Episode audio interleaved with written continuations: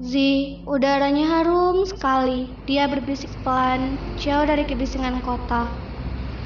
Bukan cuma itu, Sah. Arahkan matamu ke telunjukku. Coba kau pandang itu. Zi, awan senja telah menyulam keindahan langit, membentuk kuda putih dengan lukisan kawah di tengahnya, menghadiahi para merpati dengan kepakan pelan sebagai pengantar pesan paling ramah senja ini.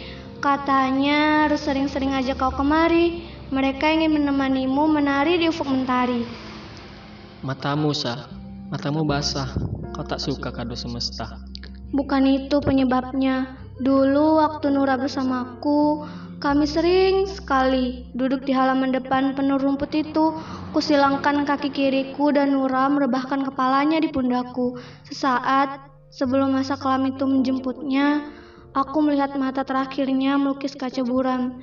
Ia abu, matanya sayu pada lonceng yang berdentang keras pengingat kompetisi senja akan dimulai. Ia terbujur.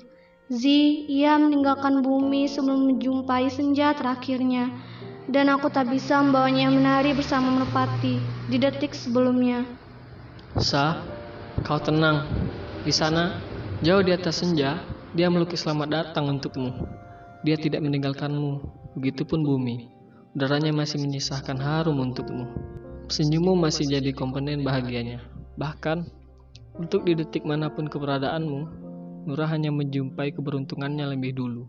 Sah, tempatnya jauh lebih indah. Tersenyumlah, berikan jemarimu. Apa kau akan melingkarinya?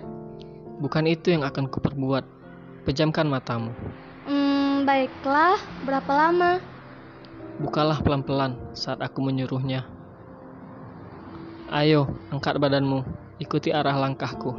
Apa kau akan membawaku ke tepi danau lalu menceburkanku? Heh, berhenti mengeluhkan kejahilanku. Hmm, baiklah. Berapa lama lagi? Op, kecilkan langkahmu. Ya, berhenti di situ. Aku rasa jemari kakiku membawa setruk pasir dari tadi.